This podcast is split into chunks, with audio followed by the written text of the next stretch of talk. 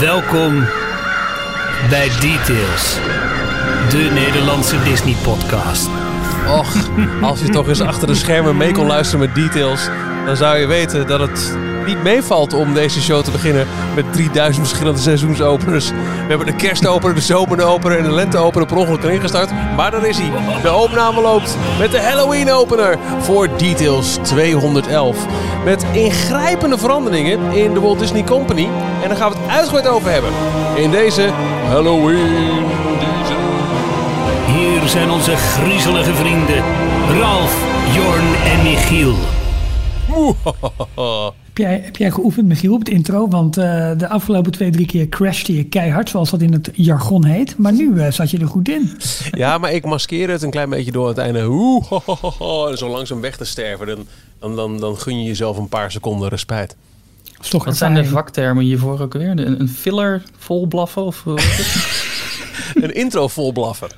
Ja, dat is toch een filler in een, eh, tussen twee stukjes eh, muziek in? Eh, ja, dat is een, een, bedje of een filler of een, of een backcell.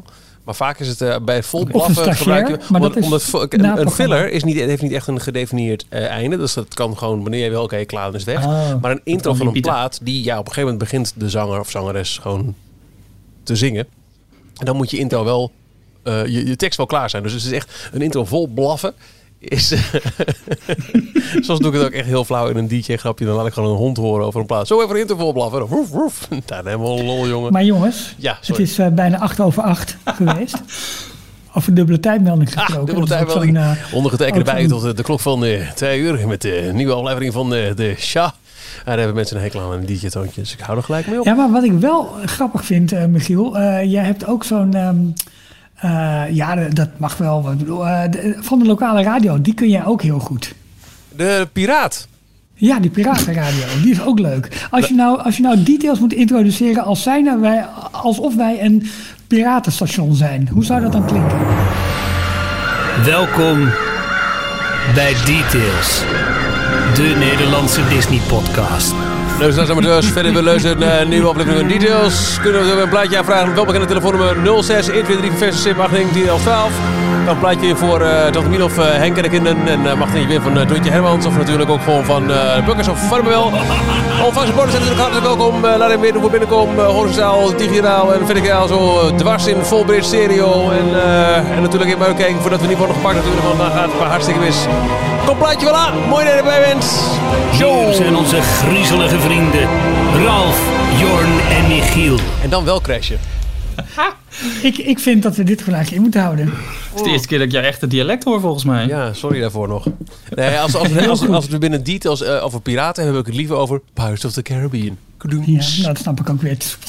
Aflevering 211 van de enige echte ja. Nederlandstalige Disney-podcast. Details met uh, inderdaad uh, ja, be behoorlijk uh, groot nieuws over een immense reorganisatie binnen de Walt Disney Company, waar het vandaag ongetwijfeld uitgebreid over zal gaan. Verder, uh, even goed om te weten, je vindt de details op d-tails.nl met elke werkdag het laatste Disney nieuws in de Daily Disney Roundup. Alle voorgaande afleveringen en ook specials die we hebben gemaakt kun je daar vinden. En je vindt meer over het hoe en waarom van deze podcast eventueel financieel willen ondersteunen. What's in it for you? What's in it for us? We hebben in ieder geval twee nieuwe zogeheten donateurs. En deze week zijn dat Roland en Pim. Van harte welkom bij, uh, bij de club. Heette. Wat zeg je? Ik dacht dat die wipneus heette, die eerste. Nee, nee, nee, nee, nee. het is Roland en Pim. Nee. Um, en, en, en Jorn, we hebben ook, uh, oh, we hebben ook weer eens een apart dingetje voor, voor de inbox. Michiel, oh, druk eens op het knopje 2. Uh, knopje 2. Details inbox. Ja. Nou Jorn, zat er nog ja. wat in de inbox deze week? Zeker van Roland. Ik denk dezelfde Roland die Zeker, net donateur is zeker, geworden. Ja. Met heel veel plezier luister ik wekelijks naar de leukste podcast die ik ken. Eindelijk tijd om eens iets terug te doen. Bedankt voor het inmiddels eindeloze archief aan toffe podcasts. Ik geniet ervan. Dankjewel Roland. En uh, ja, je kan dus ook nog steeds uh, een reactie achterlaten op, uh, op iTunes of Apple Podcasts. Als je, dat, als je via Apple Podcasts luistert. En dat heeft Danica ook gedaan. Superveel Disney nieuws uit Europa en daarbuiten. Helemaal verslaafd. We nemen deze aflevering op Top. op uh, dinsdagavond 13 oktober. Direct na de persconferentie van de halve lockdown en de Apple Keynote. Moeten we daar nog iets over zeggen? Hebben wij nog dingen gemist? Zijn er spannende Disney-updates in de Apple Keynote geslopen? Jorn, jij hebt die uitgebreid gevolgd? Uh, nee, vroeger was het nog wel eens zo dat ze, uh, als ze een video of een film voordeden op Apple TV bijvoorbeeld, dan waren dat allemaal Pixar films. Omdat uh, Disney en Pixar nogal nou, nauwe banden hadden natuurlijk. Steve Jobs heeft dat opgericht, uiteindelijk overgenomen door, door Disney. Um, maar tegenwoordig hebben ze natuurlijk hun eigen videodienst, Apple TV Plus. Dus alle voorbeelden die ze lieten zien, dat is allemaal ja, eigen content. Dus er zat niet een heel leuk linkje met, met Disney meer in. Ik vind overigens wel de integratie tussen uh, Apple TV Plus, of eigenlijk gewoon Apple TV op je, op je, ja, de Apple TV app zeg maar op je Apple TV, begrijp je het nog, op je device. Enigszins. Uh, die kun je gewoon linken aan Disney Plus. Dus in je overzicht van de Apple Plus, Apple TV Plus series die niemand kijkt, zie je ook gewoon je Moana en je Iron Man en je Star Wars en je dat soort dingen. Maar zo, zo is die app ook eigenlijk bedoeld. Hè? En, en zeker in Amerika werkt het veel beter. Dat die app eigenlijk bedoeld is als de portal voor wat wil ik nu kijken. Ehm, dus, dus alle uh, grote TV-networks en zo hebben daar hun eigen app. En die is, is allemaal weer te, te bekijken binnen de Apple TV Plus app. Dus, ja. Ehm, ja. Nou, niet helemaal. Het is eigenlijk alleen de ingang naartoe. Want op het moment dat je een Disney nee, Plus aanklikt, dan opent de Disney Plus app. Ja, ja dat, dat bedoel ik. Maar is, binnen die app heb je wel, oké, wat ga ik kijken? En het algoritme tovert je dan alle mogelijke bronnen voor. En in Nederland is het vrij schaars. Uh, maar ja, wel Disney Plus. Ja, wat ik ook nog heel tof vond aan de, aan de Apple Keynote. Maar goed, ik ga het niet natuurlijk heel de uitzending daarover hebben. Um, ze zijn nu vanwege corona. Vroeger waren het altijd live events met een grote uh, zaal gevuld met allerlei pers en media en genodigden. Dat kan allemaal niet meer. Dus dit jaar hebben ze enorm hoge uh, production value. Hebben ze allemaal filmpjes gemaakt op Apple Park. Dus hun. Uh, oh. Die, dat, spaceship wat ze hebben gedaan. Ik vind het wel mooi Hun hoofdkantoor. Ik vind het een veel beter dat, Ja, dat zit zo goed in elkaar. En al die over... Uh, ze hadden heel veel transities van de ene naar de andere presentator. Nu hadden ze ook heel uh, grappig... Uh, de, ze hebben de HomePod Mini aangekondigd. Die stond dus naast Tim Cook, de CEO van Apple, op een tafeltje. En hij zei, oké, dan gaan we nu naar die en die persoon die er meer over gaat vertellen. Werd helemaal ingezoomd op het apparaat. En dan kwam daarachter een heel klein huis vandaan. Dus een set van een huis wat ze helemaal hadden nagebouwd. En daar zoomde de camera helemaal op in. En dat begon dus het verhaal van... dit is hoe je de, de HomePod Mini kan gaan gebruiken. Oh, ja, oké. Ja. qua production value. Op een gegeven moment... Uh, ik zag een leuke tweet voorbij komen van volgens mij Parkorama. Um, er, uh, om, om uit te leggen dat ze heel goed voor het milieu bezig zijn, hadden ze een van de uh, vice presidents van Apple, die over het environment gaat, die hadden ze boven op het dak van dat nieuwe Apple Park uh, gebouw gezet. En uh, Parco die tweette tegelijkertijd met een, of, of, Louis Mantia, volgens mij was hij het, die tweette mm -hmm. tegelijkertijd met een foto van Mickey Mouse boven op Epcot. Ja, cool, cool, cool, cool. Weet je datzelfde sfeertje, dat, uh, leek het op. Nice. Mooi. Ja. Maar goed, uh, nou ja, Jorn, maar ben je, ben je, ben je ervan bekomen? Ik bedoel, jij bent, wat, ja, Michiel, jullie zijn toch wel wat dat betreft uh, de allergrootste fanboys. Ik ben een blije gebruiker hoor, maar ik heb wat minder dat ik nu al die keynotes uh, ja, ik vind, het, ik vind het leuk. Ik kijk er altijd naar uit. Dit was wel voor de eerste keer in, in, jaren dat ik de keynote deels op laten schieten. Ook omdat ik de persconferentie ook even wilde volgen van, van Rutte en, en de jongen. Over ja, de, de, de echt wel strenge maatregelen, de halve lockdown. Dus uh, dat, dat etentje met de details, dat zit er voorlopig even niet in, uh, mannen. Tot morgenavond kan het nog. Ja, ja. Nou, daar ben ik dus wel bang voor dat morgenavond alle restaurants en cafés uitpuilen. Dat, een beetje hetzelfde idee nou, nee, als een stad in je lockdown regel... gaat, dat iedereen dan snel nog even uh, de boel ontvlucht. Ja, dat is niet het idee. Nee, maar de regel is toch nog steeds dat er maximaal 30 mensen binnen mogen. Dus nou, die ja, die gold toch al. Dus wat ja, dat betreft ja, hebben we gewoon een capaciteit aan te houden. Dus ik, ik neem aan, dus ik hoop dat ze zich daaraan houden. Ja. Ik kreeg toevallig vanochtend kreeg ik een mailtje, uh, gewoon een uh, mailinglist van Disneyland Parijs. Over maak van 2021 het meest magische jaar ooit. Oh. Met andere woorden van boek weer voor het volgend jaar. Want dan mm. gaan we weer uh, de vol tegenaan. En ja. uh, geniet, boek met een gerust hartje verblijf. Met een plaatje van uh, Ja, die, oh, die Zen, die Zen boeking. Ja. Daar kreeg ik ook een reminder over deze week. Kosteloos wijzigen annuleren, geen boekingskosten, flexibel betalen in termijnen. Uh, tot zeven dagen voor je daadwerkelijke uh, reisje kan je het nog, ja, kan je het nog uh, annuleren, inclusief dus boekingskosten. Je krijgt alles terug. Dus ze hebben wel aanpassingen gemaakt om het... eh, Nou, maar wat- zo toevallig is het niet dat hij vanochtend komt. Want het is natuurlijk een mailing gericht op de Nederlandse markt. Ze weten dat vandaag maatregelen worden aangekondigd. Dus vakanties die mensen hebben gepland voor de herfstvakantie. Of misschien ook wel zelfs voor de wintervakantie, zeg maar. Wintersport, weet ik veel wat. Die zien mensen nu toch in het water vallen. Of in de sneeuw, net, eh, net, net, net, net wat het is. Haha. Eh, maar, dus, dus daar spelen ze wel op in. Van, joh, bij ons kun je boeken. En je hebt garantie dat je geld terugkrijgt. En dat, dat soort dingen. Dat vind ik wel vrij logisch eigenlijk. Ja. Hier. Nou, laten we over Mooi. Disney gaan hebben, jongens. Ehm Ralf, wat is jouw nieuws van de afgelopen week? Nou ja, ehm, eh, ja ik, heb, ik heb mijn reis naar Walt Disney World dus uitgesteld. Dus ik zit af en toe, log ik wel even in op, eh, op My Disney Experience. Zeg maar de vakantiesite van Walt Disney World. Waarin je je, je parkreservering kunt maken. Waarin je Magic Bands kunt bekijken. Alles, even kijken of alles er nog staat. Dat is een soort van, een soort van comfort eh, surfing is dat. Want je Dus hebt gewoon heb- letterlijk een jaar verplaatst, toch? Je hebt het al, ik heb gewoon een eh, jaar verplaatst. ja, van allemaal wel. Ja, en als het dan niet door kan gaan, krijg ik ook mijn geld terug. Dus nou goed, ik hoop natuurlijk wel. Ehm, maar, en ik heb ook nog voor de resterende dagen die ik nog beschikbaar had, heb ik allerlei parkreserveringen alvast eh, doorgevoerd. Ik ja, ben er nu toch, maakt niet uit. Ehm, maar toen ben ik even, want ik heb, ik heb eh, even kijken, afgelopen januari of februari heb ik zo'n ultimate ticket heb ik gekocht. Weet je, die, die kun je op de Engelse en op de Ierse site kopen. 14 dagen bezoek, inclusief fotopas, eh, ongelimiteerd parkhoppen, waterparken, alles erop en eraan. Eh, die waren in, ehm, eh, even kijken hoor, in januari, februari waren die 455 euro per persoon. voor volwassenen. En voor kinderen was het dan volgens mij een tientje of 20 euro goedkoper, zoiets. Die waren heel lang niet eh, verkrijgbaar. Want toen de parken dichtgingen, hebben ze de verkoop van allerlei tickets hebben ze ook eh, stilgelegd. Nou, op een gegeven moment kwam die verkoop weer op gang. Maar hebben ze gezegd van ja, maar wacht even, we gaan niet meer dit soort ultimate tickets doen. Want we kunnen toch niet parkhoppen, we kunnen toch allemaal al die dingen niet doen. Maar die zijn nu dus, ik denk sinds kort zijn die weer terug op de Ierse en de Engelse site. Maar ze hebben er eventjes eh 90 euro per persoon bovenop gegooid. Terwijl je dus niet mag hoppen.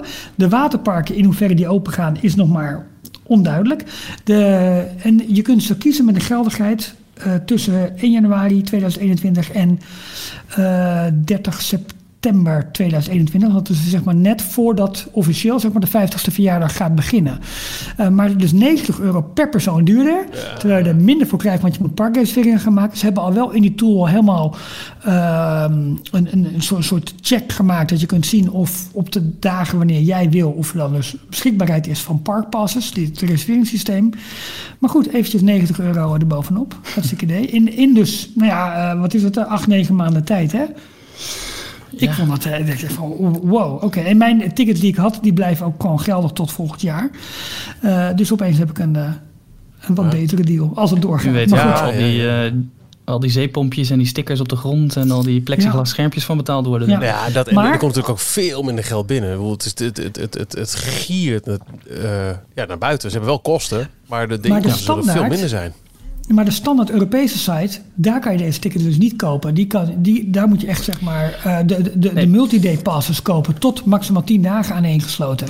Ik vind dat nog steeds zo stom, want er, is dus, eh, er zijn drie versies van die website. Ja, Je hebt de, de, de Britse variant waarbij je in ponden kan, eh, kan betalen. Je hebt Ja. de Ierse variant waarbij alles in euro's is. En Ierland Ja. valt natuurlijk nog steeds eh, onder de Europese Unie. Dus dat, daar, zou, daar kunnen wij volgens mij officieel ook gewoon boeken. Want dat heb, ik, hoor. heb ik gedaan en dat is geen probleem. Heb jij ook gedaan. ja.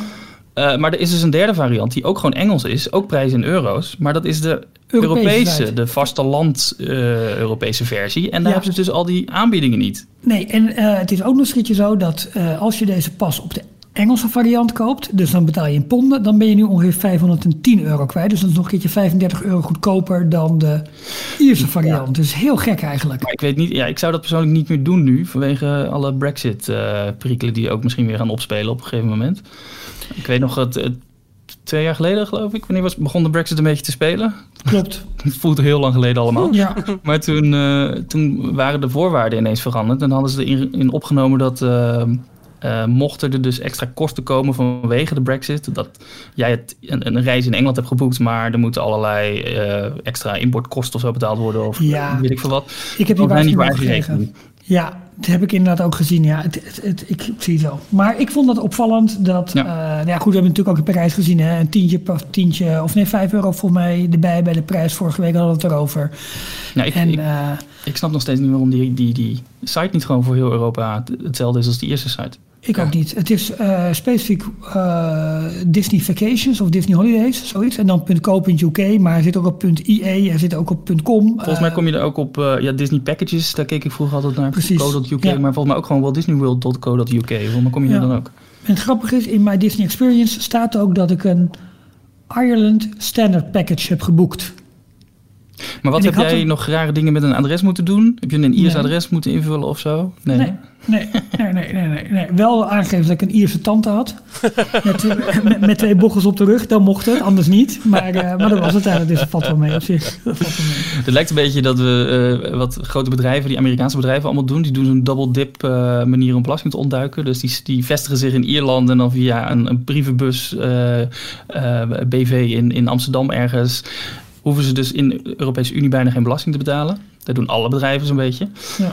Lijkt dat wij nu op de andere manier daar een beetje misbruik van kunnen maken. Dus door via Ierland eh, die tickets te boeken, kunnen wij ook eh, eh, voordeeltjes eruit halen die, Ja. eh, ja. die we in Amerika Maar kunnen goed, gebruiken. ondanks het voordeel dat het flink duurder dan eh, begin Ja, van het wel, jaar. dat en, wel. en, en minder waar voor je geld eigenlijk. Ja. Maar goed, we moeten Dat- maar kijken hoe het, hoe het volgend jaar natuurlijk eh, gaat. Maar eh, Ja, zouden jullie dat durven nu alweer voor een half jaar van tevoren boeken? Nee. Of, of een jaar vooruit? Nou, als je een, eh, een geld teruggarantie hebt en je kunt nu onder goede voorwaarden boeken, ja, waarom niet? Helemaal bij een. Ja, om, oh, ja, ook de teleurstelling misschien wel. Ja. Je kan dan helemaal niet. Je gaat dan waarschijnlijk die zes maanden.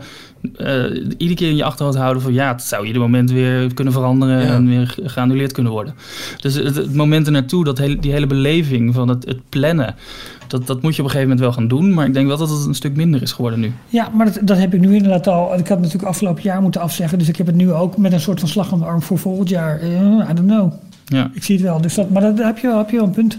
Dat is wel belangrijk. Maar ik zal het wel doen bij een, eh, wat ik zeg, bij een gerenommeerd reisaanbieder. Zou ik daar wel wat meer eh, vertrouwen in hebben. Dan denk ik van, ja, Ja. goed. Ja. Is het, is het, lukt het niet, dan lukt het niet. Ja, ik heb wel vertrouwen dat het wel goed komt, maar ik zou mezelf de teleurstelling gewoon niet, niet willen eh, aandoen. Van, dat je wel boekt en de, de voorpret is, is niet 100%. Hè, dus je, je hebt toch van, ja, Ja. nou ja, hopelijk gaat het door. En, en, en eh, altijd dat zo in in de lucht van, ja, misschien gaat het niet. Ik, ja. Maar goed, dat, dat, is niet alleen voor Disney, maar dat geldt natuurlijk voor alles. Dat is nu een, een restaurant wil reserveren voor in maart. Ja, doe je het dan wel of niet? Ja, ja dat zijn andere bedragen ook. Ik, ik, vind, ik vind het heel lastig. Ja, is ook zo. Ehm, maar goed, dat, dat was mijn nieuws. Eh, Michiel, Nou, ehm, ik heb eh, heel veel dingen eh, bedacht. Oh, dit zou ik interessant vinden, dit zou ik interessant vinden. Ehm, maar uiteindelijk ben ik erachter gekomen dat ik het toch het mooiste vond... om dan toch een klein beetje hoop te hebben van... zie je, we gaan nog wel lekker door. Dat was dat DLP-report. eventjes full-on, eh, hoe heet het ook weer? Bioreconstruct ging op, op. Parijs. Door Echt, over hè? de studio's heen te vliegen. Dat we ging echt, hoger dan verticaal. Ja. met, met prachtig zicht op de Adventure Campus eh, in aanbouw, op het Spider-Man gebouw, op de nieuwe eh, Cars ehm, eh, ja, tram tour makeover. Ja. Er, Ja. er gebeurt en ook heel bijzonder vond ik ehm, de compleet overgeschilderde set van uh, Moteur Action. Die Ja. ehm, eh, nooit is gebruikt voor de, de Jungle Book Jive Show. Met allemaal ja, eh, eh, begroening tegen de gevels aangeschilderd. Wat echt wel aangeeft, nou weet je jongens, deze show komt echt niet meer terug. Want we hebben de hele set gewoon vernield. Ja. Dat vind ik Ja. heel Met L, bijzonder. hè? Ja. eh, even vernield met een L inderdaad. Ja. Ehm, eh, ook even eh, de, de compleet opnieuw geschilderde Catastrophe Canyon met al de Dynaco eh eh, eh, watertoren. Ja, precies. Ja. En ook hoe dat dan weer ligt ten opzichte van Toy Story Playland. Het is heel duidelijk dat van daaruit zal, eh, zal de ingang naar deze nieuwe attractie komen. Vind, ik- vind ik ook nog steeds een raar onder- onderdeel eigenlijk. De hele Catastrophe Canyon. En daar plaats je dan wat, wat helemaal in teken stond van een aardbeving en een tankwagen die bijna op eh, exploderen stond. En dan gaan ze nu dan met Cars karakters doen. Ja, Dan zo'n Dynaco tankwagen die dan aan het ontploffen is. Ja, of in de fik staat. Dat, is toch, dat wil je toch ook als Pixar niet, lijkt me. nee, lijkt me ook. Maar ja, Maar we zien het wel wat ze daarmee gaan doen. ik werd, ik werd heel blij. Er, er, er gebeurt gewoon heel veel. En ik heb ja, heel dubbel. Het is, eh, eh, ik zeg net nog tegen eh, Ralf, nou ja, nu boeken voor Walt Disney World, ik weet het allemaal niet. Maar ik heb nog steeds wel in mijn achterhoofd, nou, ja, hopelijk volgend jaar zomer, om alsnog de verjaardag van mijn zoontje te kunnen vieren in, in ja, Disneyland. ja, ja. En het zou echt wel te gek zijn als Adventure Campus dan open is. Want dat vindt hij te Ja. gek. En ik kijk ook heel erg uit naar zowel de Spider-Man attractie als de Iron Man coaster. Als gewoon het ja, eh, eh, iets nieuws in een volledig nieuw land kunnen zien in, eh in het Studiospark. Ik, eh, ik kijk er heel erg naar uit. Ja, Ik was op- wel- ja. Oh, ik was op twee punten was ik verbaasd. De eerste, eh, eigenlijk hoe nog niet heel ver ze waren met, met het hele Marvel-gebied. Ik had verwacht dat ze wel ietsje verder waren eigenlijk, persoonlijk. Mhm. Maar goed, ze hebben natuurlijk dan nog nu drie kwart jaar ongeveer, als ze zeggen zomer 2021. Ehm, en het tweede ding waar ik verbaasd over was, was eigenlijk de, de, het formaat van het eh Spider-Man-gebouw. Want dat is natuurlijk op de plek van Armageddon gebouwd. Nou, Armageddon was niet de meest grote attractie, ook qua showbuilding niet. En mm, vlak daarachter had je al eh, de Tower of Terror. Dus kon ook niet alle kanten of heel veel kanten op. Maar ze hebben ook heel veel naar richting Rock'n'Roller Coaster volgens mij gebouwd. Dus het is veel meer eh, eh, naar buiten komen steken. Richting de ingang, de oude ingang van, eh, van de stuntshow en eh, Rock'n'Roller Coaster. ja, waardoor het volgens mij dus wel allemaal een wat... wat ehm, Intiemer. ja, en bij het tele was het niet helemaal intiemer, maar, maar wel wat smaller, wat, wat, wat meer op elkaar. En dat is in deze Ja. tijd natuurlijk wel weer lastig, maar daardoor krijgt het wat minder een pleingehalte. Ik denk dat dat wel heel goed is. Denk het ook. En eh, ja, het, het is nog voor een heel groot deel ruwbouw. Hè? Dus wat je, wat je nu ziet is, is heel veel eh, airco-systemen op het dak. Eh al, wel, al wel vast wat, ehm, eh, ja, wat, wat, wat- wat stenen tegen de gevel aan. Maar dat het allemaal nog een soort van binnenmuren zijn. Hè? Want de echte Ja. afwerking, dat moet echt nog wel komen. Denken jullie dat, eh, dat er nog ruimte is voor een, een of andere parade? Of in ieder geval een paraderoute? Als het allemaal wat smaller en eh, wat minder breed wordt. Want dat, dat Nou, was volgens mij een van de redenen waarom die straat daar eh, zo breed was. Ik denk niet Nou, ik daar denk- per se. Ik denk dat het echt rondom het meer gefocust gaat worden. Oh, het- tuurlijk. Ja. ja. Dat denk ik wel. Ik denk dat ze in het Marvel, in Avengers Campus in dat gebied, dat ze daar echt het gaan eh, concentreren rondom eh, het gebouw eigenlijk eh, tegen, tegenover Rock'n'Roller Coaster. Of sorry, Iron Man Coaster. Waar ze dus die, ehm, die Avengers Headquarters, zeg maar, waar zo meteen ook Die die, meet and e-tickets greet, zal... zo- ja, daar waar die meet and greet komt. En dat is bij... In Anaheim is dat meer het Doctor Strange gedeelte. Waar volgens mij al die karakters eh meet and greets gaan doen en foto's en dat soort zaken meer. Dus dat zullen meer meet and greet worden dan parade, denk ik. Ja. Ja. ja, dat is wel waar. Ik had, helemaal, ik was dat meer even vergeten. Ja. Dat is natuurlijk Ja, veel mooiere locatie waar ze dat Maar doen. ja, goede, goede foto-update en wel heel tof dat ze gewoon een vliegtuigje huren of ergens bij instappen om dat, eh, om dat te doen. En dan zie je ook nog eens, wat ik het fascinerende vind, helemaal van die overzichtsfoto's, hoe, hoe goed zo'n resort gepland is en hoe dat allemaal in elkaar steekt en hoe eh, dat je, huh, ligt eh Phantom Manor feitelijk naast Ja. Main Street. Hoe dan? Weet je, En dat- dat soort tegelijkertijd dan dingen. ook hoe verbazingwekkend het is dat, eh, dat Studiospark zo hebben kunnen neerzetten. Met hè, het, het aloude park, dat als je uit Studio 1 kwam, dat je eigenlijk gewoon al het hele park kon zien in het begin. Ja. Dat, welke masterplanning is daar in vredesnaam? Ja, de, de planning van Nou, eentje van met een groot budgetten. Stanley mes die heel veel heeft Ja. eh, ge- gebudget cut. Maar dat, is dan, dat staat in zo'n schril contrast met, met wat jij net ook wel terecht zegt. Want je ziet inderdaad wel hoe mooi het allemaal in elkaar zit. En dat, het, het wordt ook mooier, want er komt Ja. echt een hele chunk bij. Maar poef, Ze hadden het natuurlijk al eh, bij de opening. Het is gewoon met het grote masterplan al meegenomen dat daar een tweede park zou komen. Ja. Want ze Ja. hadden tijdens eh, de opening 92 al gezegd in 1996 95. geloof ik. 95, 96 opent Disney MGM Studios Europe.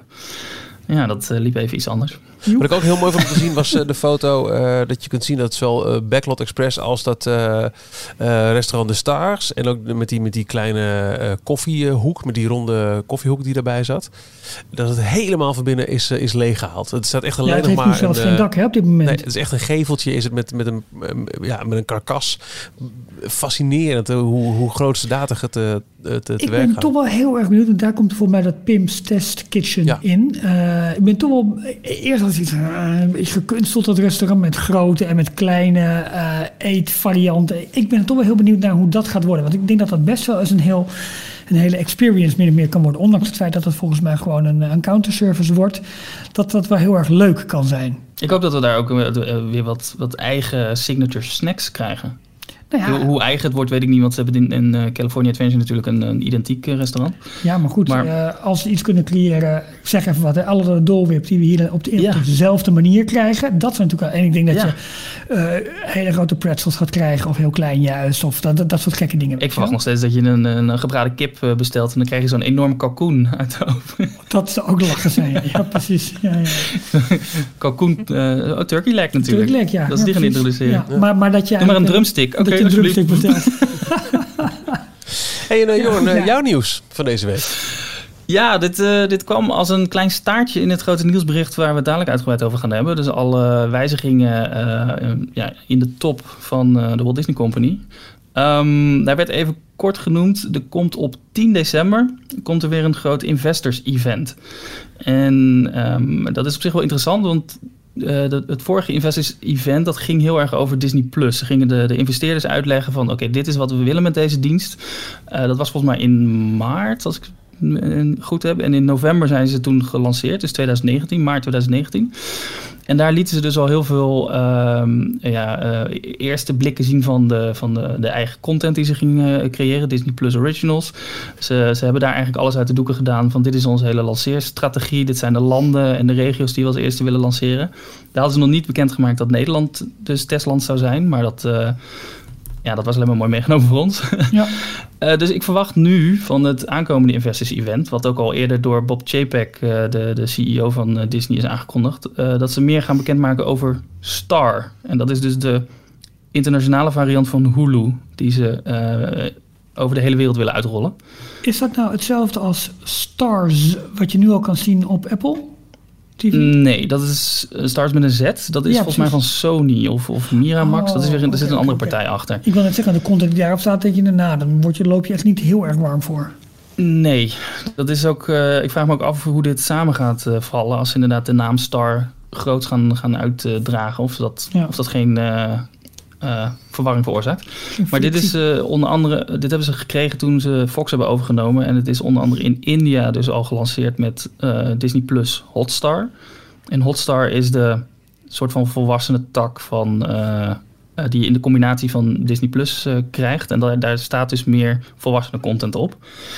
En ja, ze willen dat dus nu ook op andere plekken internationaal gaan uitrollen. En ik verwacht wel dat dat in Europa en dan Nederland een grote kans hebben daarop is. Dat ze dat in 2021 willen gaan eh, lanceren. Ja, Want er is veel, eh, ja, veel nou, kritiek, wil ik niet per se zeggen, maar feedback over dat de content die op Disney Plus staat, dat dat wel heel erg gericht is op families.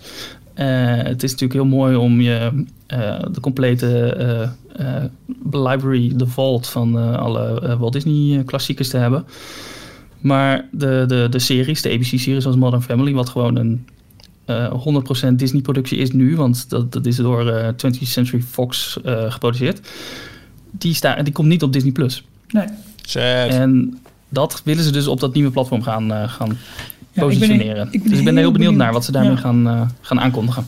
Nou ja, en wat voor bundels ze gaan verkopen. Hè? Wat je nu in Amerika Ja. ziet, dat je ESPN kan bundelen, dat je Hulu kan bundelen. Nou, bij ons dan heeft Star en ESPN erbij, Fox. Ja, ESPN inderdaad, Fox Sports wordt ook ESPN. Ja, maar of ze dat makkelijk Ja. kunnen bundelen, weet ik niet. Want er zit natuurlijk ook nog in Nederland, volgens mij, de, de clubs zitten met een bepaald belang in. Volgens mij de Eredivisie Mm. NV of zo heet dat. Eh, en dat is natuurlijk wel een belangrijk, eh, belangrijke stem daarin, volgens mij. Ja, het, het, eh, dat had Bob Chapek aangekondigd dat ze per markt gaan kijken hoe ze eh, dat nieuwe platform het beste kunnen neerzetten. Dus wordt het inderdaad een, eh, een bundeling? Eh, wordt het een compleet los platform wat ze al eerder kunnen opstarten? Of wordt het misschien onderdeel van Disney, zoals Disney Plus Hot- Hotstar, wat ze in India hebben gedaan? Ja. Eh, dus ik ben ja, heel benieuwd naar, naar 10 december, waarin dat soort plannen meer, eh, meer vorm gaan krijgen. Ja.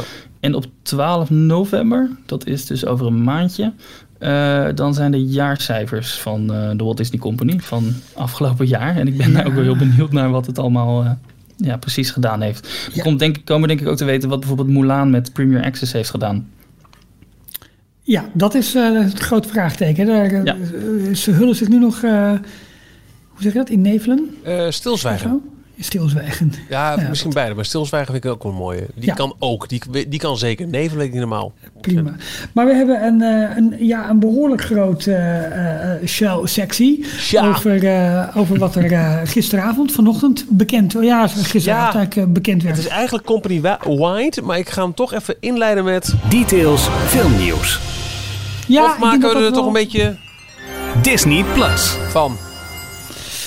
Beide. beide. Beide eigenlijk wel Nou. een beetje. Ehm, even heel kort door de bocht. Wat Disney gaat doen, die gaan Alles gaat anders, einde. Alle, ja, en, en iedereen gaat dood. Uiteindelijk wel. Ehm, ze hebben op dit moment is een structuur bij Disney met een aantal eh, divisies of business units. Eh, en dat zijn er op dit moment vier. Media Networks, eh, dan heb je Disney Parks Experience and Products. Nou, dat, daar hebben wij het heel vaak over. Hè? Eh, dan heb je nog Studio Entertainment. En dan heb je nog de afdeling Direct to Consumer en International. Dat zijn eigenlijk vier units. En ze gaan daar eigenlijk min of meer een klein beetje in, eh, in schuiven. schuiven. Flinke units, hè? Ja, behoorlijk. Want er zitten heel veel merken, heel veel merken onder. Als je op de Walt Disney Company eh, corporate website kijkt, zie je ehm, ja, welke merken, welke studio-onderdelen er allemaal vallen. Maar vervolgens, heel veel.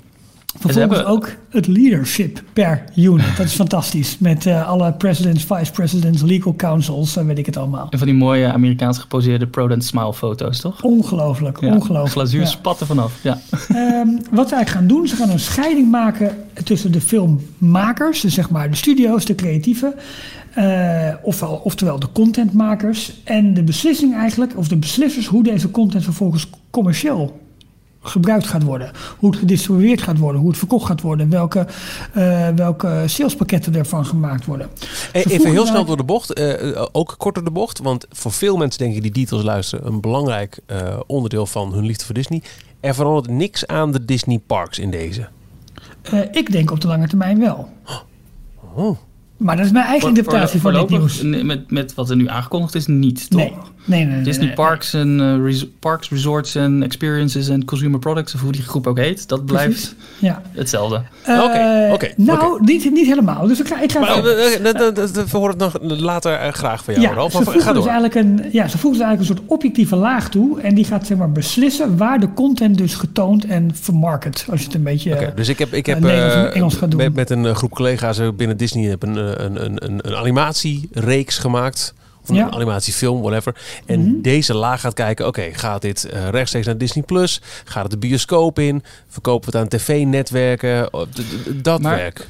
Dat is Ja. belangrijk. Waar heb jij die, bij welke studio heb jij die animatiereeks gemaakt? Was dat Walt Disney Feature Animation? Was dat Pixar? Was dat Blue Sky? Was dat Marvel? Ja, maar dat Walt maakt dus- Disney Feature Animation. maakt ja, maar dat maakt dus op zich niet zoveel meer uit. Want Oh, waar de studio's eerst zeg maar... De, ja, de, de, de studio's of Pixar maakten, maakten een film. En die beslisten ook, dit wordt een eh bioscoop-release. eh, dit gaat naar Disney+, Plus, dit gaat naar ABC, Ja, ja, dit ja, gaat naar een ander Ja, zij netwerk. moest het zelf verkopen, toch? Ook, ook al was het, Eigenlijk zij wel. moest het verkopen aan Disney Plus ook zelfs. Als Ja. zij een idee voor een serie oké. hadden, dan moest zo'n studio... Bijvoorbeeld een Marvel had een idee voor een... Wij willen nu een tv-serie maken rond dezelfde karakters die in onze eh, films meespelen. En willen we voor Disney Plus maken, maar dan moesten zij wel bij Disney Plus gaan pitchen. Dit is ons idee. Precies. En nu is het gewoon zo, je hebt dus een echte een content, een creatieve divisie. Ook dat wordt weer onderverdeeld hoor, in een deel sport, in een deel, eh, moet ik even kijken, want ik heb het wel ergens opgeschreven. Je hebt een deel eh, eh, sport, movies, nou, zijn ze in ieder geval... Studios, General Entertainment en Sport. Dat was het. En dat zijn dus eigenlijk drie creatieve divisies eigenlijk. Elk weer met een eigen leadership, een eigen team en dat soort zaken meer. Die gaan puur de content maken. En daar komt er dus een nieuwe divisie bovenop. Dat heet Media and Entertainment Distribu- Distribution. En eh, daar gaan onder andere gaat dat streaming services onder vallen. En eh, ja, zij bepalen dus waar die content zo meteen heen gaat. En dat komt allemaal onder leiding van Kareem Daniel. En die namen zijn wij in mei, juni al eerder tegengekomen. Die eh, kreeg namelijk een belangrijke positie eigenlijk onder Bob Iger. Onder andere in, in de board ook. Maar die eh, was dus bij die hele divisie eh, Disney Parks Experience and Products... was die verantwoordelijk voor... ehm, eh, games. Consumer Products, Games en Publishing. Ja, dat deed hij eerst. En hij wordt dus nu eigenlijk ja, hoofd van deze afdeling die gaat bepalen waar gaat de content naartoe. En een heel belangrijk onderdeel van uh, ja, dit persbericht, maar volgens ook het interview dat uh, Bob Chapek bij CNBC had, de Amerikaanse zakenzender, was dat zij heel erg de focus gaan leggen op streaming. Ja, dat is ook uh, de headline die je dan vandaag overal als Disney uh, reorganiseert. Focus op streaming. Uh, Klopt.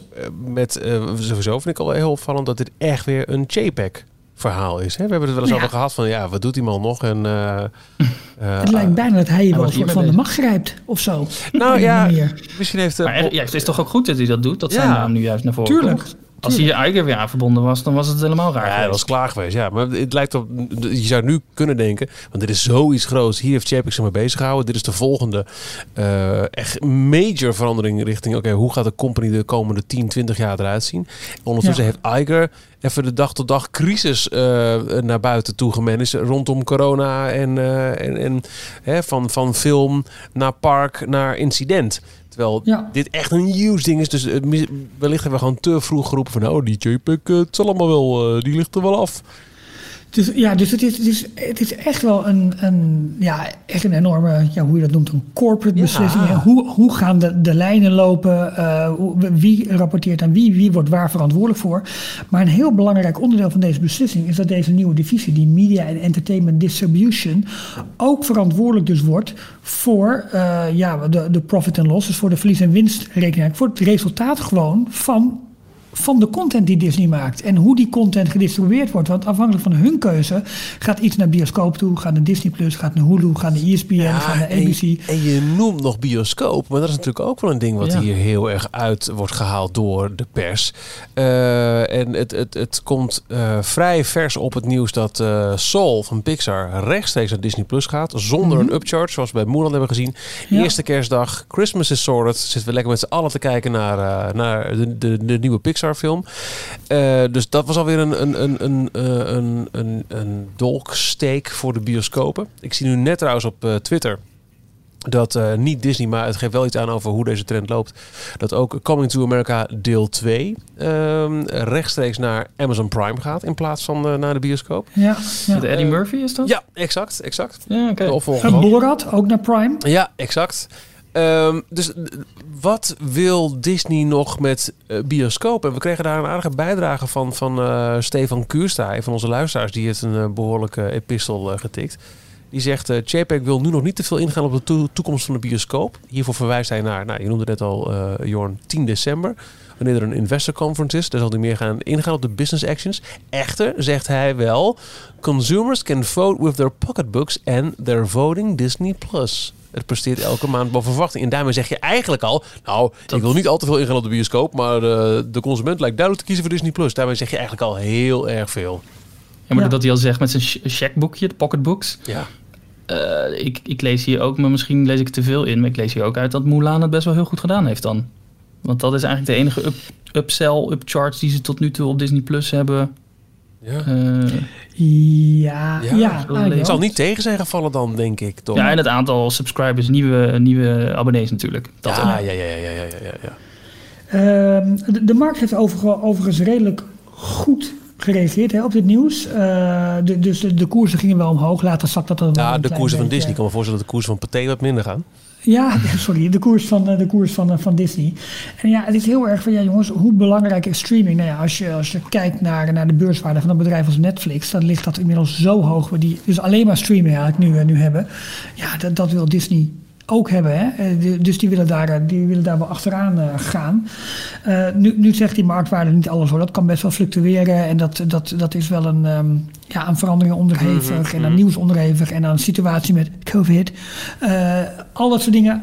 Allemaal. Maar het, het is wel een heel belangrijk eikpunt. Maar ja, goed. Ik, neem, ik, ik kan me goed voorstellen dat de bioscopen wel zoiets hebben van... Ja jongens, dit kan wel eens ja, wat je zegt, de dolksteek voor ons zijn. Want uh, als, je, als je ziet uh, wat de bijdrage van de grote Disney-films was bij de bioscoopomzet de afgelopen jaren. Hè, die, elke keer die, die plus maar weer op die omzet en het aantal releases. En als je al die, um, die kalenders kijkt waarin de films uitkwamen, echt de grote blockbusters die allemaal van vanuit zeg maar Disney, hè, gecombineerd dan Fox, Disney, weet je, allemaal Marvel, Star Wars. 2019 hebben we nog uh, nieuws gehad dat Disney als eerste boven de hoeveel miljard waren 7, uitgekomen? 7 miljard, toch? 7 of 17? Ja, veel. 7. Veel. Veel in ieder geval. Ja, ja. ja. Oh, sorry, ik dacht dat je nog... nog, Oh nee, nog- nou ja, dat- ik wilde zeggen dat dat geeft me aan dat 2019 was echt een jaar waarin ze het zo goed hadden gedaan eh, in de bioscopen. Want toen hadden Ja. ze eh, de laatste, ze hadden eh, nou, de laatste Marvel Cinematic eh, Universe film Endgame, Avengers Endgame. Ze hadden de Lion King live action die het heel goed gedaan heeft, wat ik nog steeds niet helemaal begrijp. Ze hadden de Rise of Skywalker eh, afsluiter van de, de, hun eigen Star Wars trilogie. Eh, en dan ben ik er nog een paar vergeten volgens mij. Qua films die ook nog in dat jaar uitkwamen. Maar dat waren in ieder geval drie grote ehm, afsluiters ook van, van filmreeksen die niet meer doorgingen naar 2020. Klopt. Ja, nou, dat is een, ja, dus die bioscopen zijn belangrijk. Die waren ook altijd belangrijk. Maar ja, net wat je net al zei, eh, ze stemmen met hun, eh, met hun checkboekjes, dus hoeveel geld ze uitgeven. Ja. En eh, ze zeggen van ja, wij volgen gewoon de consument. Wij, Disney, zijn consumer enablers. Oftewel, wij stellen consumenten in staat om content tot zich te nemen. En de consument geeft aan waar hij of zij dat het liefst wil zien. En eh, de voorkeur lijkt nu bij Disney Plus te liggen. Is gezien de tijd natuurlijk ook niet zo heel vreemd hè, met eh, corona thuisblijfmaatregelen. De vraag overigens van komt dit nu door corona? Zeggen ze van Ja. nou nee, dit hadden wij al lang ingezet. Ik wil het Eh, net zeggen. Het versnelt het wel, maar nee, dit, dit, dit is wel, this is the way, zeg maar. Dit, dit past ook heel mooi in het straatje wat ze al eerder hebben aangekondigd. Dat ze die release windows willen, dat ze daarvan af willen stappen of zo klein Ja. mogelijk willen maken. Dus eh film komt eerst in de bioscoop. Dan moet je drie maanden wachten voordat hij pas op een video-on-demand platform volgens mij mag komen. Dan mag die op een premium betaalzender komen. En dan een half jaar later, zes maanden, dan kan die pas naar een Netflix of eh, op je, je Blu-ray in de, in de winkel liggen. Daar willen de filmstudio's al langer van af. Maar dat schijnt zo'n industriestandaard te zijn dat dat heel moeilijk is om dat te doorbreken. En corona heeft dat nu voor heel veel filmstudio's. COVID. COVID heeft het nu voor heel veel filmstudio's ineens mogelijk gemaakt. Van nou, dan, dan skippen we dat hele gebeuren gewoon. En wij zetten onze content direct op, eh, op een streamingplatform. Ja, de, de- macht van de producenten en van de, van de, van de content-eigenaren wordt hiermee gewoon groter en groter en groter. Ja. Warner heeft natuurlijk dit ook al gedaan met HBO Max, waar ze echt grote titels en series eh, eh, op lanceren. Eh, Universal is natuurlijk wel heel erg bezig met kunnen we bioscopen overslaan of inderdaad dat window kort te maken. Dus JPEG gaf daar nog niet specifiek antwoord op, en wel van jongens luister eens, wij volgen de consument. Maar op 10 december tijdens dat investors event zal er meer bekend gaan worden. Ehm, Als je content creator bent, dus je bent een filmstudio en je hebt een hele bibliotheek aan eh, jaren films liggen en je hebt nu ook een eigen streamingdienst opgezet, dan zit je gebakken nu. En dat zie je in Nederland Ja. zelfs al, dat Videoland, RTL heeft Videoland natuurlijk eh, opgezet. En die hebben zelf ook heel veel content. En die hebben nu een eigen videoplatform, wat ze ook best wel door je strot aan het duwen zijn met elke reclame. ja. Maar dat schijnt wel wel, succesvol te zijn in Ja. Nederland. Ja. Dat heb ik ook, ja. Wat wel eh, grappig is, als we even helemaal terug gaan naar het begin naar die divisies die ze hadden. Hè, dan had je als laatste divisie een direct-to-consumer en international. Ehm, Rebecca Campbell was daar de president-directeur van. Eh, dat Van wordt Disneyland afkomstig kwam ze. Ja, precies. En eh, eh, eh, dat onderdeel wordt nu eigenlijk min of meer gesplitst. Waarbij direct-to-consumer eigenlijk in dit hele distributieverhaal, in die nieuwe unit gaat, gaat vallen. En Rebecca Campbell blijft dus international doen. Gaat de belangen behartigen. Ja, hoe zij het dan noemen, van de verschillende activiteiten in de verschillende markten. Waarbij het, zeg maar, het grote corporate doel moet worden gewaarborgd dat de juiste content op de juiste plek terechtkomt. En, in Daar zitten heel markten. veel, heel veel deals met allerlei kabelaars. En bijvoorbeeld de. Ziggo's van deze wereld zitten daar, Precies, eh, vallen precies. daaronder. Ja, Ja. maar de hele distributie komt dus onder meneer Daniels te hangen. Ik, eh, ja, Die heeft een promotie gemaakt dan. die heeft een flinke promotie. En in, in korte tijd dus eigenlijk twee keer. Ja. Hè? Dat dit, dit, helemaal omdat dit als het ware, het is zoals het nu wordt gebruikt, de moneymaker van het, van het bedrijf moet gaan worden. En eh, Zou het een protégé van Bob Chapek al zijn? Of is dat, dat is, ja, dat is Ja. zo. En dat was natuurlijk al toen hij, dat hij volgens mij tot, hij toen, eh, toen hij tot de boord toetrad. Mooi. Dat, ja, uit die zin kwam, bedoel ik. Tot de boord? Bob Chapek bedoel ik, hè? Dat is die Kareem ja, maar die. Kareem Daniels zit er volgens mij ook in. Zit ze in de boord? Oh, oké. Ik weet het niet. Ja, terwijl ik het zeg, begin ik eraan te twijfelen. Maar in ieder geval, het was toen al bij, bij die aanstelling in, eh, in mei. eh, was al zo van ja, dat, dat, dat is een protégé van, eh, van Bob Chapek. Oké. Ehm Maar dit gaat wel gevolgen hebben voor de komende nou ja, jaren. helemaal omdat de Ja, macht minder bij de studio's komt te Ik liggen. zeg, want hoe denk je dat het de parken gaat beïnvloeden dan, Ralf? Nou, ja, kijk. Dit is Daar komt hij, puur...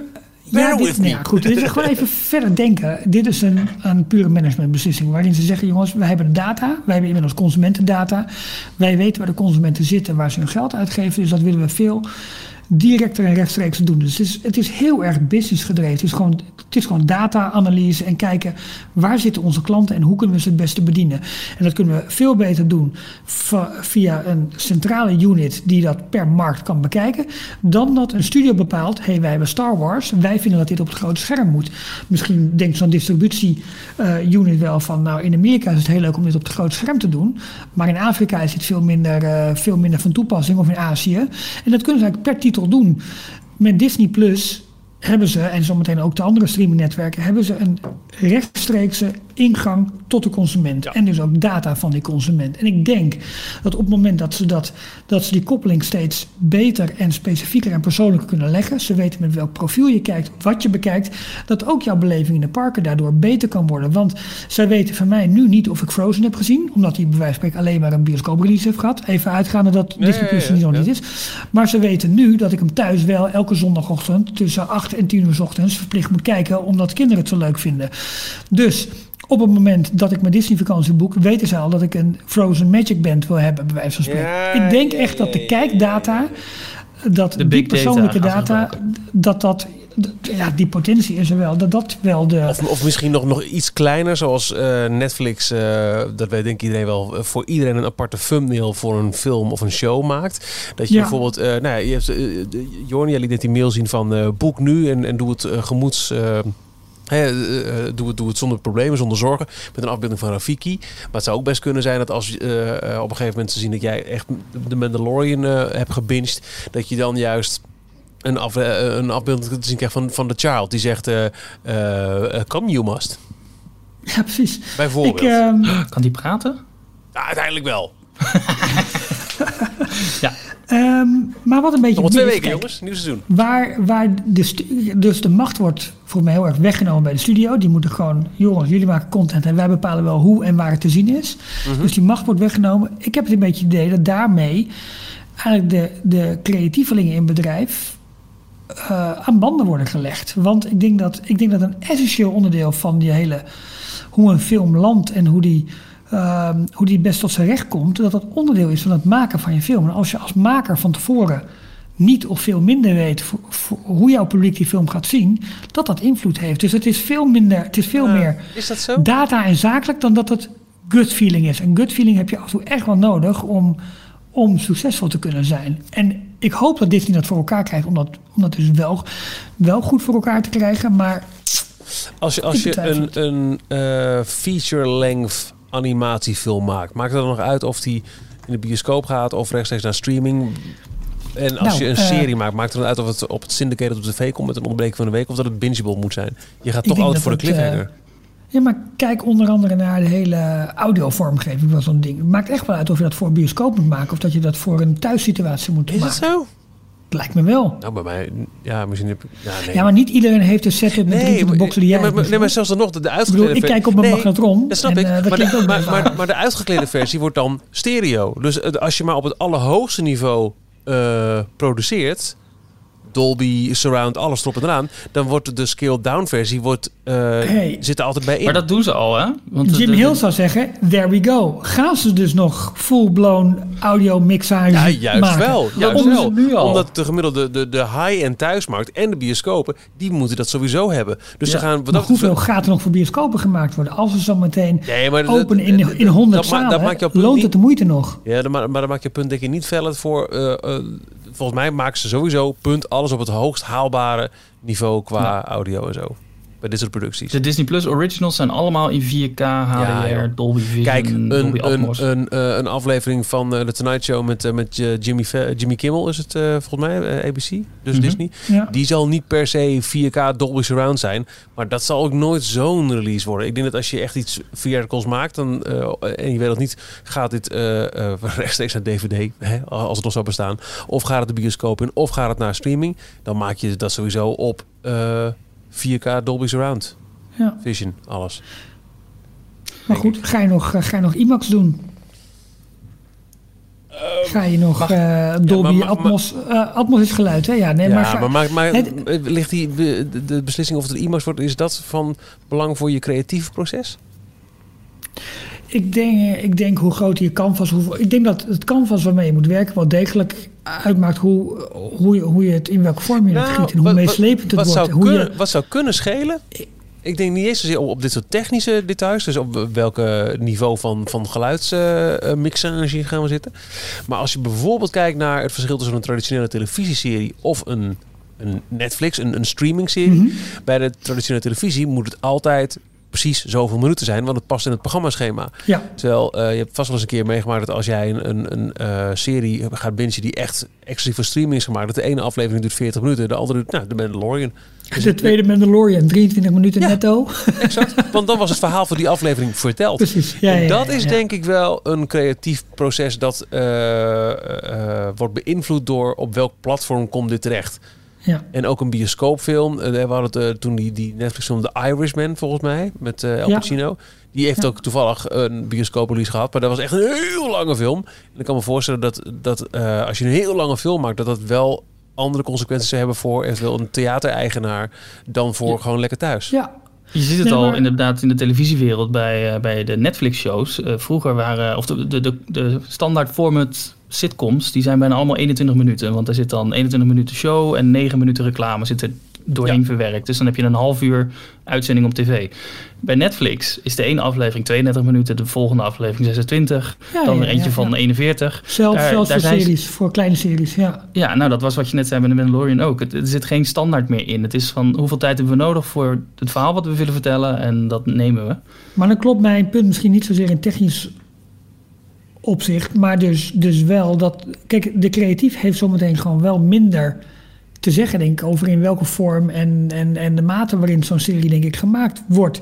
Omdat eh, distributie, sales, eh, commercieel daar een hele dikke vinger in de pap gaat. Wordt het echt een ballotagecommissie dan waar je, waar je langs moet? Waar ze met de... Nou, ik, dat, zal ongetwijfeld- dat zal wel samen moeten gaan werken. Want ik, kan- ik kan Ja. me nu nog niet voorstellen dat... eh, misschien een Star Wars dan een slecht voorbeeld... maar echt een grote nieuwe, nieuwe eh, Marvel-film... dat die nu al de bioscoop gaat overslaan. Kan ik me niet voorstellen.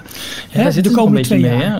De bl- hele Black Widow eh, verhaal. Volgens mij zitten ze daar redelijk mee in de maag. Want Ja. die zou dus al in maart uit moeten komen. Maar die is nu nog steeds niet... eh, nou, hij is aangekondigd verschoven naar november. Maar inmiddels Mhm. weer van de kalenders verdwenen. Geen nieuwe datum.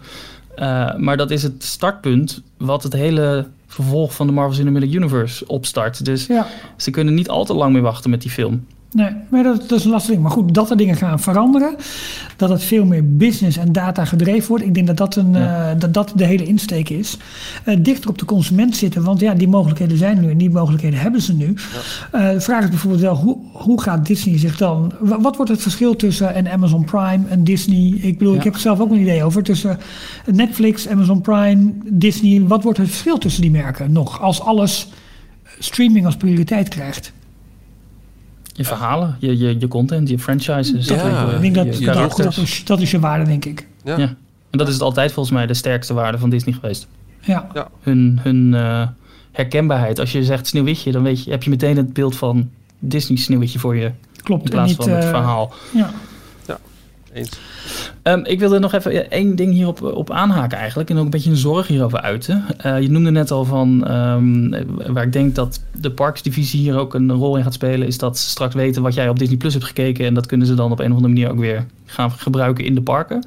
Mhm. Ehm, ze maken nu al gebruik van, een, van één Disney-account. Dus eh, jouw Walt Ja. Disney World website en de Disney Plus website. En eh, ik ben ook eh, lid van Marvel Unlimited. Dat is op Marvel ook hetzelfde account. Dezelfde e-mailadres, hetzelfde wachtwoord. Bij mij waar ik op niet. inlog. Bij jou niet. Ja, oh, dan heb je gewoon wel. meerdere... Alles rechtgetrokken. Alles kan rechtgetrokken worden. Oké, dat was een beetje mijn vraag ook, of dat inderdaad kan. Kun je, Ja. En dat wordt rechtgetrokken dan op zowel e-mail als paswoord. Dus dat wordt gewoon hetzelfde user ID eigenlijk. Ja, maar er zit wel één groot eh, eh, eh, een grote zorg uh, aan vast, die, die ik wel heb. En, aan de ene kant kunnen ze dus, het lijkt het dat ze al bezig zijn met de eerste bouwblokken van we willen uh, zo'n gebruiksprofiel opbouwen en we weten straks inderdaad van nou die leest die strips van World Marvel Unlimited, dus die wil dan ook op Disney Plus waarschijnlijk die Marvel series zien, ja. dus die pushen we wat meer naar boven in zijn mm -hmm. kijklijst. Mm -hmm. um, maar tegelijkertijd, het is echt alleen nog maar gebruikersnaam wachtwoord. Er is geen two-factor authentication. Je koppelt wel je uh, betaalmiddel eraan. Ja. Je hebt een subscription.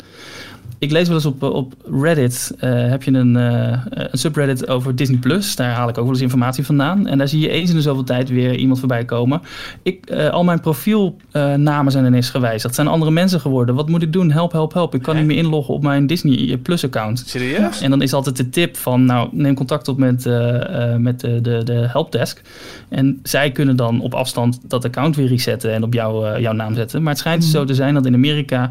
Uh, veel mensen die of makkelijke wachtwoorden hebben of een uh, wachtwoord wat jij in combinatie met jouw e-mailadres, wat een keer in een wachtwoordlek is ja, ja, ja. Uh, naar buiten is gekomen, dat, dat, dat gebruiken ze om op Disney Plus bijvoorbeeld in te loggen. En dan vervolgens gaan ze allerlei dingen wijzigen. Oh, maar dan hebben ze wel toegang tot je betaalgegevens, wat ze kunnen wijzigen. Ze Uh-huh, hebben eigenlijk toegang tot alles. Ze, hebben, ze kunnen heel je vakantie straks in de war schoppen.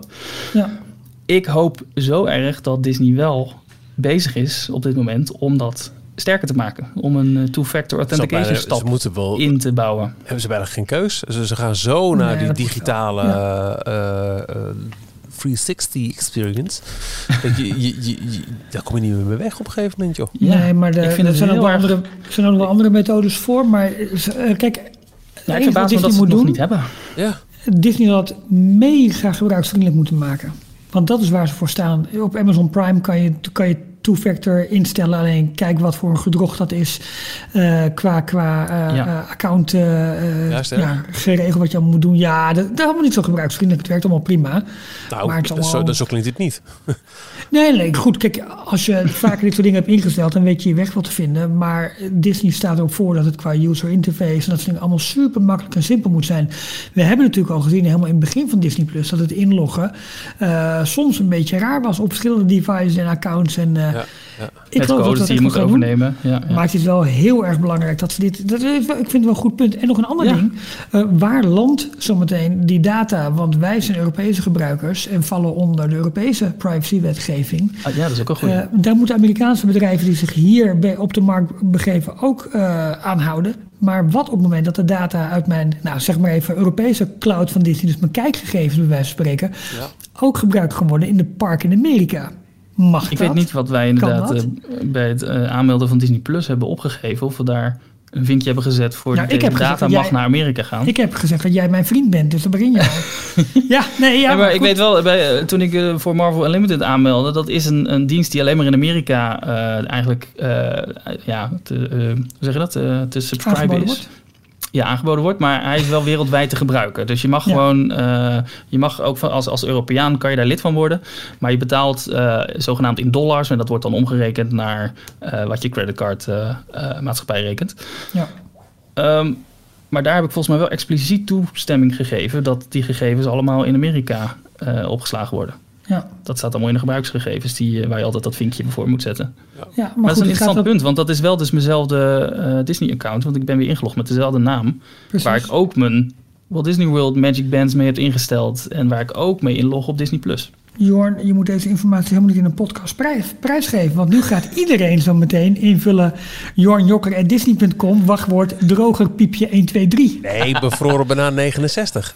Oh ja, dat kan natuurlijk. Maak er Nee, wel maar, van. maar het, het, is, het is een zeer interessant punt. Misschien kunnen we ze, eh, eh, nou, we kunnen daar eens na een vraag bij doen. Ik denk niet dat we antwoord krijgen, want dit soort vragen wordt doorgaan. Gaan we de helpdesk bellen? Zou dat- zou dat kunnen? Ik zie Michiel al. eh, Nee, dat dat is vast ook privacy ge- ge- gerelateerd wel wat op aan te Nee, merken. weet je, het is, het is een We beetje. hebben een Mickey generator nodig. Maar ik kan me voorstellen dat dit uiteindelijk een weg is die, die, ze, die ze in willen slaan. Alleen om dat allemaal voor elkaar te krijgen, ja, dan, dan, dan zijn we wel een, eh, zijn een mega- paar mijlen verder nog hoor. Mega IT-projecten. En, eh, Had ze dan misschien zijn, niet toch eh, die wel samensmelting tussen. Apple en Disney moeten gebeuren? Eh, Je zou het haast Ja, zeggen. want eh, Ja, je zou het haast zeggen. d- dit is wel eens eerder eh, eh, geroepen de la- laatste jaren.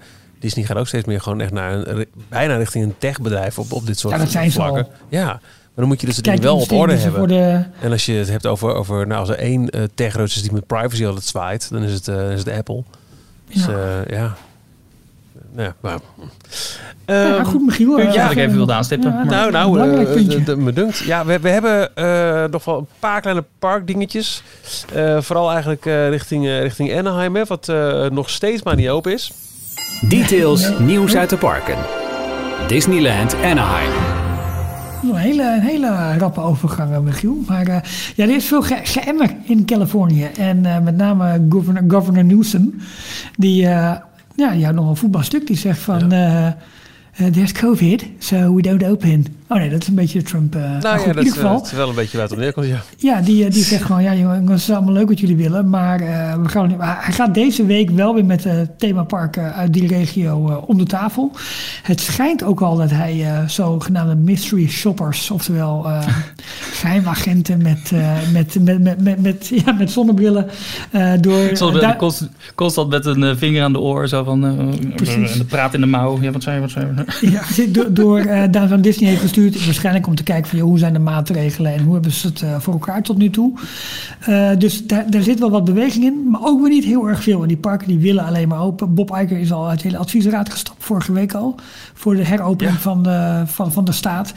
Dus ja, dat, dat blijft erg schuren.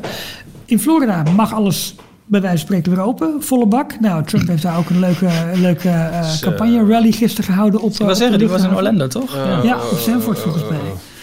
En, eh, maar Disney zelf zegt van nou, wij blijven gewoon op 25% draaien van de capaciteit. Totdat de CDC, zeg maar het Amerikaanse RIVM, aangeeft dat we dat er andere eh, niveaus zeg maar, gaan gelden. Dus zij volgen niet zozeer het advies van de gouverneur van de staat, maar van de ja, gezondheidsdienst, laat ik het zo maar zeggen. Ja.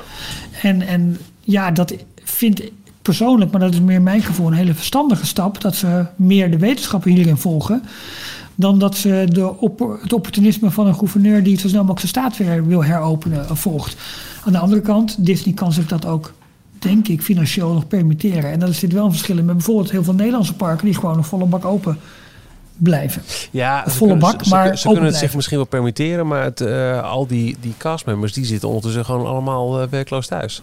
Ja, Er, er zit Ja. ook echt wel heel wat. en en dat, dit zijn nog meer dan in Orlando. Is het, is echt eh, een, een lokale trots. Hè? Waar eh, generaties soms eh, al in het park werkt. Ja, het, het, is uiteindelijk ook maar een heel klein onderdeel van het verhaal. Ik weet het ook allemaal wel. Maar het is. Nee, eh, ik, ik, vind het wel ga ook schrijnend. wat- Ik ga er ook wat, wat snel in. Maar je ziet wel dat Disney er- wel, wel heel voorzichtig opereert. En dat is denk ik wel te prijzen. Ja. En, eh, maar goed, aan de andere kant wat je zegt. Ja, ze ontslaan wel 28.000 mensen. Dat kan daar in Amerika ook een stuk makkelijker dan dat het hier bijvoorbeeld in Europa kan. Ja. Gelukkig maar. Ehm, maar ik, ik, ik heb ook wat idee, Disney kan het ook meer leiden. Dus ze pakken dat verlies als het ware. Ja, nou, ik denk het. Ehm, ja, ik wil hem hier eh, bij, eh, bij laten even voor eh, vandaag. eh, Oh, mannen. ik Ja. had, nou, Jor en ik hadden nog een heel groot deel van een, draaiboek Oh. over. Hoog tijd voor deze jongen. Zo.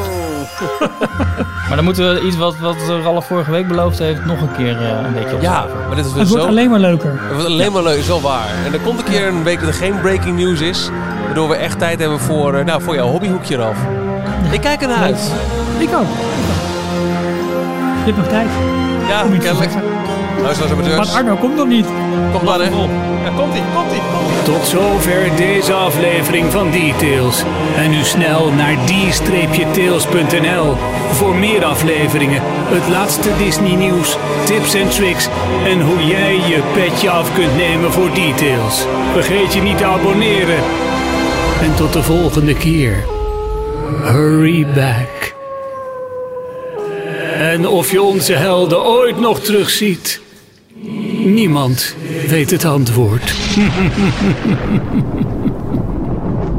Ik gooi er toch nog een